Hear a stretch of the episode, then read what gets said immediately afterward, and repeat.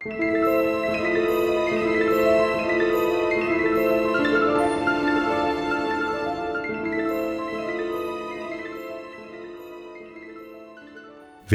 til Forlæst, podcasten, hvor vi lytter os tilbage i litteraturhistorien på jagt efter de klassiske fortællinger, som stadig kan vækkes til live.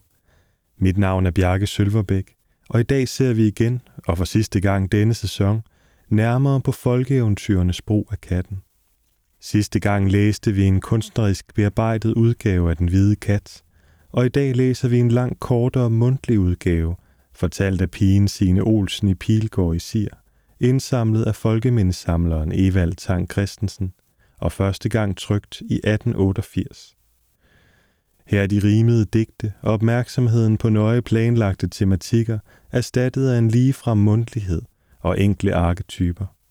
Her har kunsteventyret været inspirationen, der førte til digtningen af dette folkeeventyr, som jo ingen original har, men som i stadig mere forskellige udgaver har udviklet sig som grenene på et træ. Den udgave, vi endte med, er blot den, som Christensen tilfældigvis er endt med at indsamle, mens alle de øvrige udgaver for evigt er gået tabt med deres fortællere og tilhørere. Dagens andet eventyr er indsamlet af Asbjørnsen og Mo i Norge i 1840'erne, og et endnu mere spændende eksempel på, hvordan den mundtlige kultur indoptog både andre mundtlige fortællinger og også de kunsteventyr, som fortællerne stødt på. Her er den bestøvlede kat og den hvide kat blevet kombineret til en og samme figur. Det er et eksempel på, hvad man i nutiden kunne kalde en crossover fanfiction, altså en tekst, hvor to forskellige fiktive universer sammenblandes. Det er et perspektiv, som understreger, at selvom den mundtlige fortællingsflygtighed ikke længere dominerende i vores kultur, så har vi som mennesker ikke forandret os sønderligt. Vi ønsker stadig at digte videre på og udforske de historier og universer, som taler til os. Men nu gør vi det ofte sammen med mennesker over hele verden i internettets fællesskaber. God fornøjelse.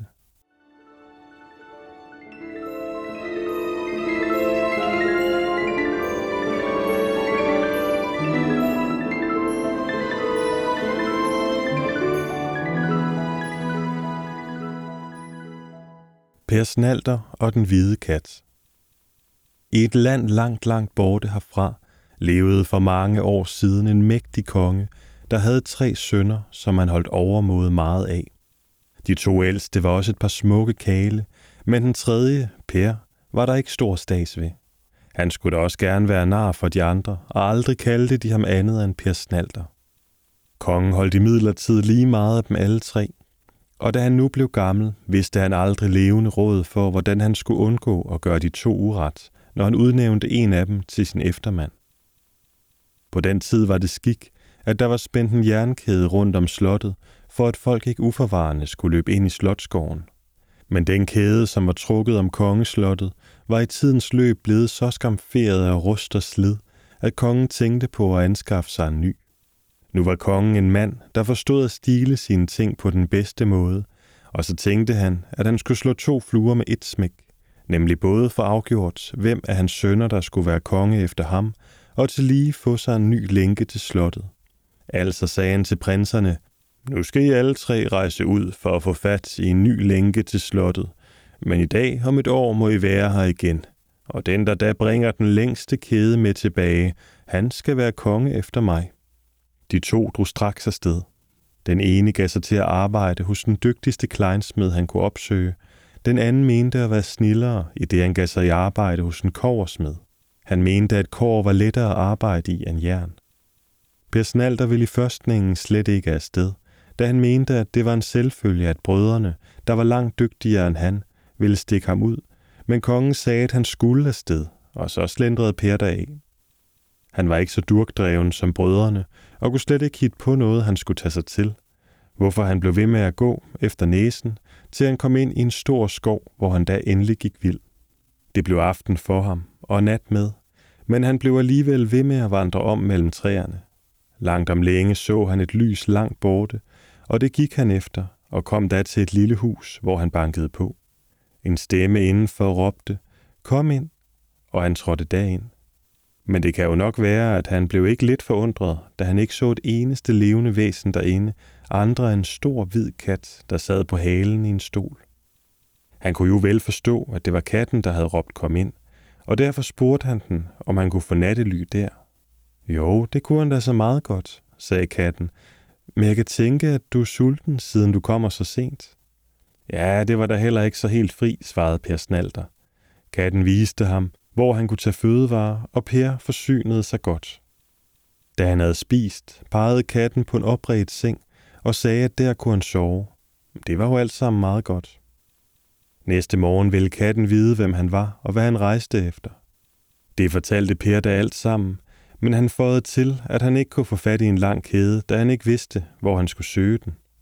Vil du da give dig et tjeneste hos mig? spurgte katten. Du skal ikke bestille andet end at vaske og kæmme mig tre gange hver dag, men du får heller ingen løn. Kosten bliver, som du fik den i aftes. Det var ikke så ille det, sagde Per. Så går der den tid. Per blev hos den hvide kat, vaskede og redte den tre gange om dagen og sprang for resten om i skoven. Da året var omme, sagde katten, nu skal du gå hjem, Per Kongesøn, for nu kommer begge dine brødre hjem. Ej, det havde Per da ingen lyst til, da han ingen længe havde fået fat i.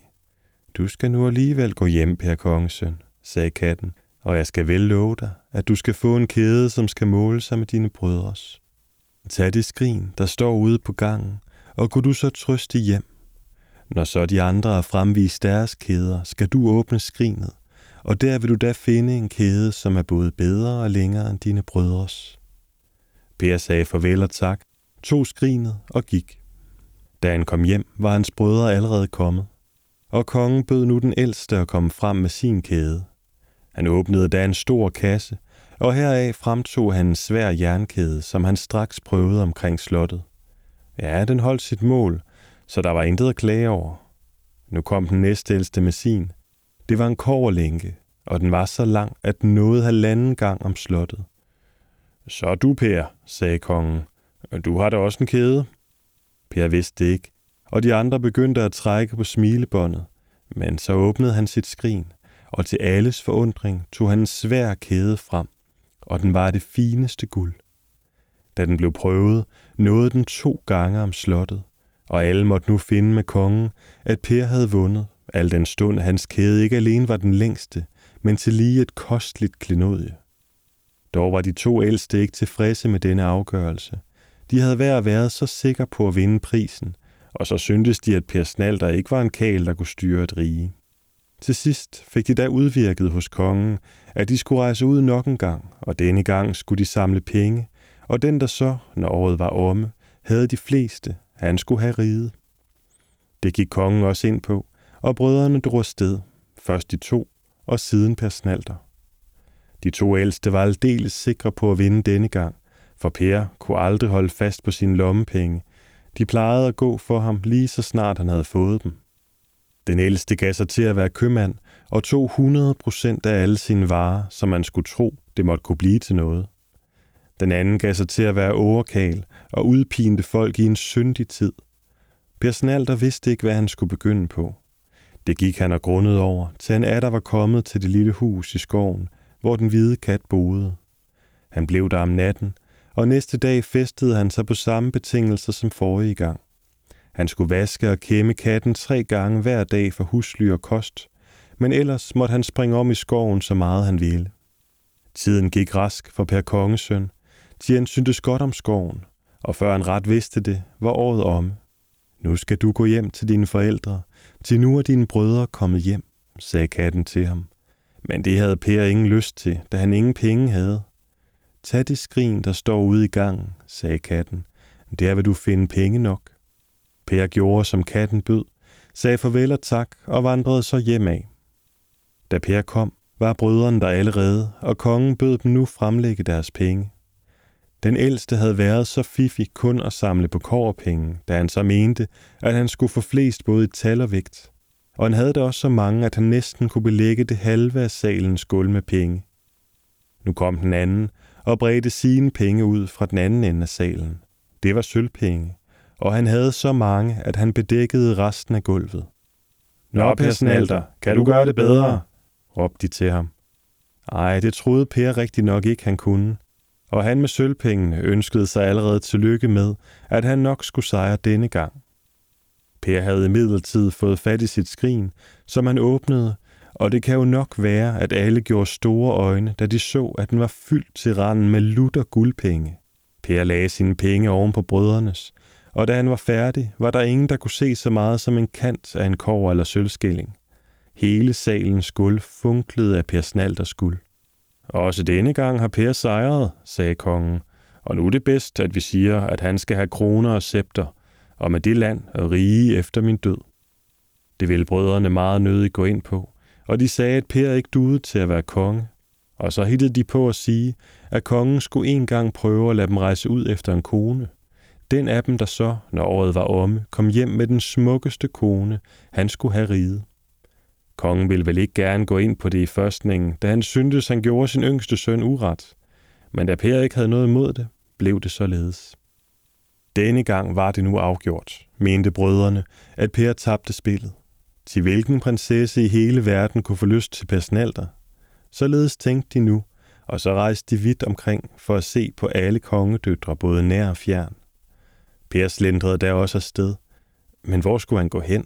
Ja, det var knuden, og det gik han og grundede på, til han stod uden for det lille hus i skoven igen. Han bankede på og gik ind, da katten havde tilladt det, og da han havde spist og sovet hos den, måtte han atter fortælle, hvad han denne gang var draget ud efter. Da katten hørte, at det galt intet mindre end en prinsesse til kone, sagde den, at så måtte han helst blive, hvor han var. Det kunne Per nu slet ikke forstå, da han aldrig havde set noget menneske i hytten, end sige en af de skønneste prinsesser i verden. Men da katten hidtil havde hjulpet ham godt, gjorde han, hvad den sagde, og festede sig på de samme betingelser som før. Den ene dag gik som den anden, og han havde det godt. Når han havde vasket og kæmmet katten, kunne han gå om i skoven så meget han ville, og det var ikke fri, at han blev noget overrasket, da katten en skønne dag sagde til ham, at året nu var omme, og at han nu skulle hjem, da hans brødre var kommet, hver med sin brud. Per mente, at det hastede ikke med ham, da han jo ikke havde fået fat i nogen prinsesse. Nu har du tjent mig tro i tre år, sagde den hvide kat, og derfor vil jeg også hjælpe dig denne gang. Men du må da gøre, som jeg beder dig. Ja, det skulle Per da nok. Tag så din kniv og skær mit hoved af, og når du har gjort det, må du krænge skinnet af mig, befalede katten.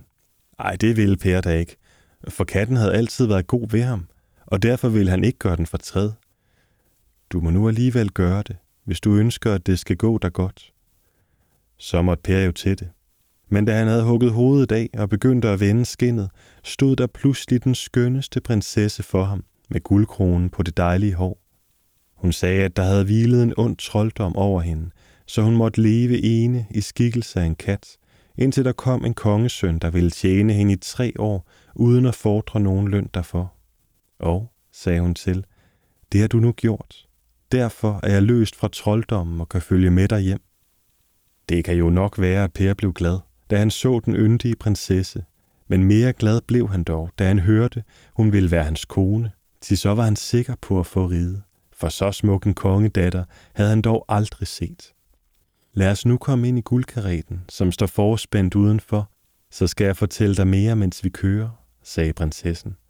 Og så steg de ind i kareten, som ganske rigtigt stod og ventede på dem. Og Per kørte og slog smæld med pisken, for han var nu så glad, som han aldrig havde været. Min fader var engang en mægtig konge, fortalte prinsessen, og han levede lykkelig sammen med min moder, men så blev hun syg og døde, og min fader giftede sig igen med en dronning, som var enke og havde en datter. Men denne min nye moder var en ond heks, og da hun så, at jeg var smukkere end hendes egen datter, var hun bange for, at hendes datter skulle komme til at stå til side for mig, og så forvandlede hun mig til en hvid kat, der måtte bo ene i en stor skov, til en kongesøn kom og tjente mig. Nu skulle man ikke tro, at nogen prins kunne finde på det, men det har du nu gjort, og derfor holder jeg dobbelt af dig. Per så på sin brud, og da hun smilede til ham, holdt han stille midt i skoven for at give hende et kys. Nå, de kom jo snart til kongeslottet. På trappen stod den gamle konge og de to ældste sønner, hver med sin brud. De kunne jo aldrig forstå, hvem det var, der kom så flot kørende i går, men da vognen rullede op for trappen, kendte de jo nok Per. Han sprang ned og hjalp sin brud ud, Og det så de alle, så snart de havde kastet blikket på hende, at hun ubetinget var den smukkeste. Vel var de to andre prinsesser dejlige piger, men ved siden af Per Snalders brud var de dog ikke noget. Nu var det da afgjort, at Per skulle have riget, og han fik det også kort efter, for den gamle døde, og nu viste det sig, at han slet ikke var så dårlig, som han havde haft ord for. De han regerede til sit folks fulde tilfredshed, hvorfor han blev meget afholdt. Men brødrene rejste til fremmede lande, og der blev de nok, for man har hverken hørt eller set noget til dem siden.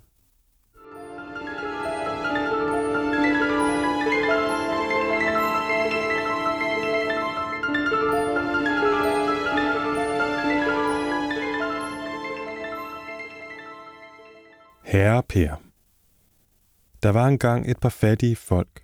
De havde ingenting uden tre sønner. Hvad de to ældste hed, ved jeg ikke, men den yngste hed Per.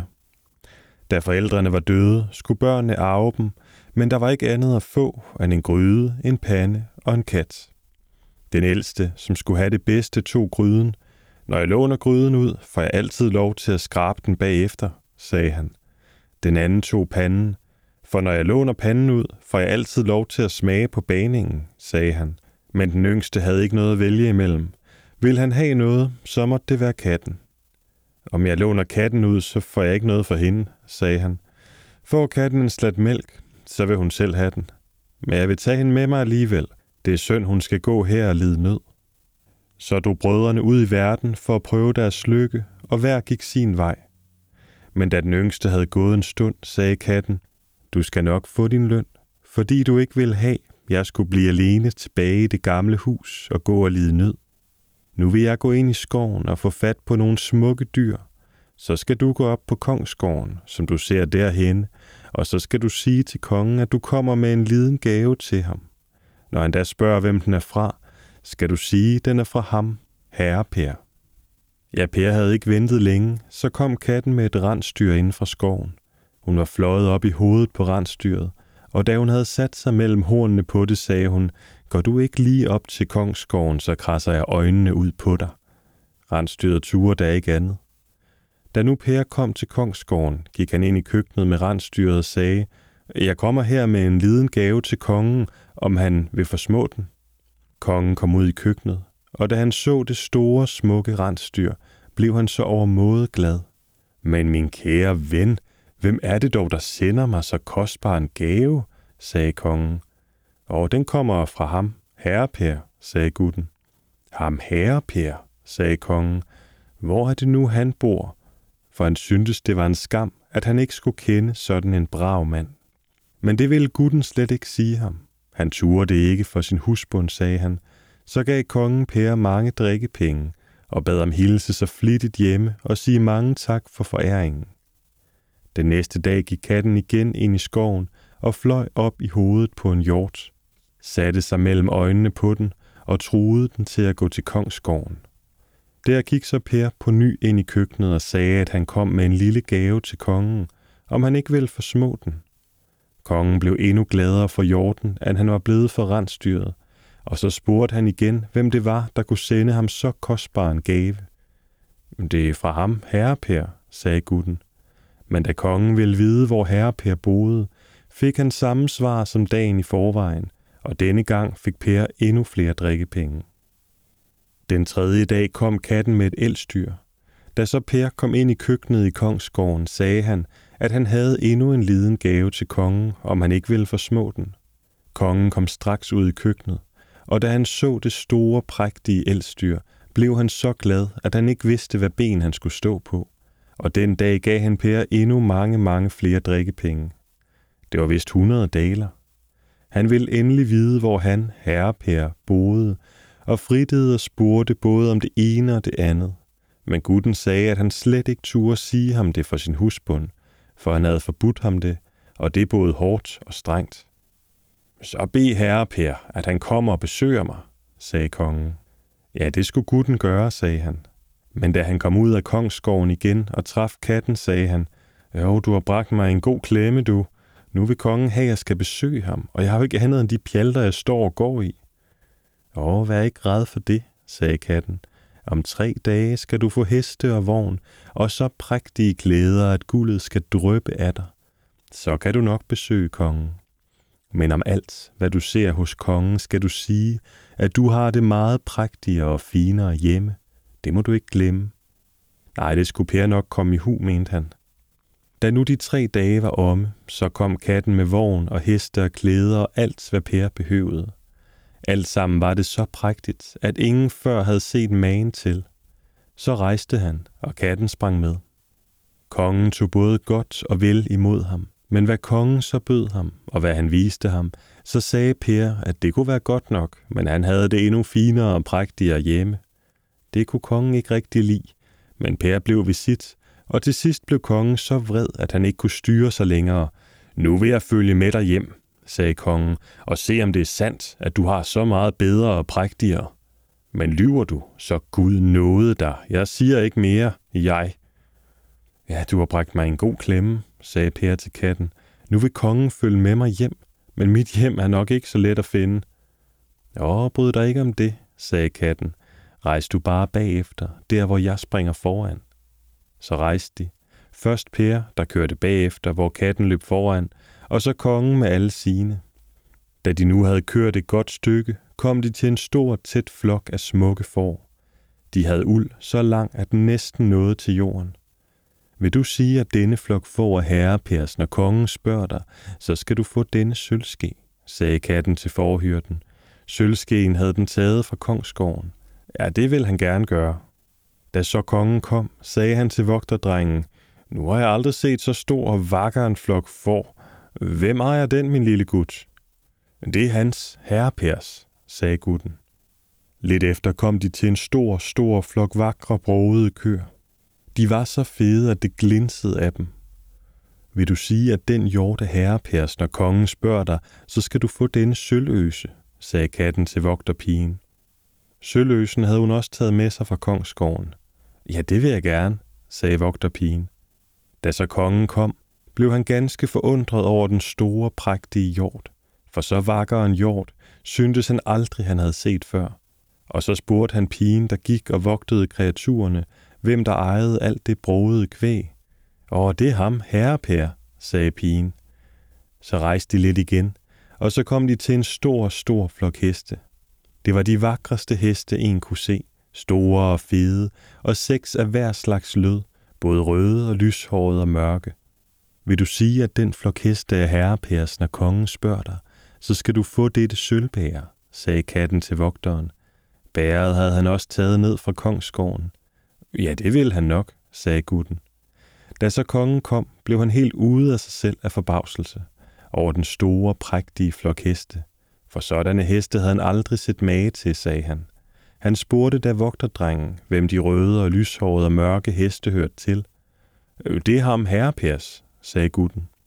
Da de så havde rejst et langt stykke endnu, kom de til et slot. Først var der en port af messing, så en af sølv og så en af guld. Selve slottet var sølv, og så blankt, at det skar i øjnene, for solen skinnede på det i det samme, de kom. Der gik de ind, og der, sagde katten, skulle Per sige, at han boede. Indeni var slottet endnu prægtigere end udenpå. Alting var af guld, både stole og borde og bænke. Da kongen nu havde gået omkring og set på det alt sammen, både oppe og nede, så blev han ganske skamfuld. Jo, han herre Per har det kostbare end jeg. Det kan jeg ikke nytte at nægte det, sagde han, og så ville han til at rejse hjem igen. Men Per bad ham blive og spise til aften med sig, og det gjorde da kongen, men sur gnaven var han hele tiden. Mens de sad til bords, kom trolden, der ejede slottet og bankede på porten. Hvem er det, som æder min mad og drikker min mjød som svin herinde? råbte trolden. Straks da katten hørte ham, løb hun ud til porten. Eh, Bi lidt, så skal jeg fortælle dig, hvordan bunden bærer sig ad med vinterruen, sagde katten. Først så pløjer bunden sin ære, sagde hun. Så gøder han, og så pløjer han den igen. I det samme så rent solen. Se dig om, så skal du se den vakre, dejlige jomfru bag ved dig, sagde katten til trolden. Da vendte trolden sig om, så han fik solen lige i øjnene, og så sprak han. Nu er alt dette dit, sagde katten til herre Per. Nu skal du have kodet af mig. Det er det eneste, jeg forlanger af dig for det, jeg har gjort for dig. Ej, sagde herre Per, det vil jeg ikke gøre. Jo, sagde katten, gør du det ikke, så græsser jeg øjnene ud på dig. Ja, så måtte herre Per gøre det, så nødig han ville. Han huggede hovedet af katten, men i det samme blev hun til den dejligste prinsesse, som nogen ville se for sine øjne, så herre Per blev rent indtaget i hende. Ja, den herlighed har før været min, sagde prinsessen, men trolden der havde forhekset mig, så jeg måtte gå og være kat hos dine forældre. Nu får du gøre, som du vil, om du vil tage mig til dronning eller ikke, for nu er du konge over hele riget, sagde prinsessen. Åh jo, det kan nok hende, at herre Per vil have hende til dronning. Så blev der bryllup og gæstebud i otte dage, og så var jeg ikke længere hos herre Per og hans dronning.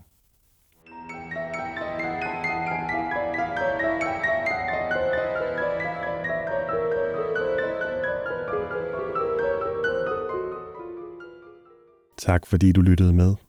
Hvis du vil vide mere om Evald Tang Christensen eller Asbjørnsen og Mo, kan du læse mere på forlæst.dk. Her kan du også skrive til mig, hvis du har kommentarer til afsnittet eller forslag til, at vi skal læse i fremtiden. På genhør.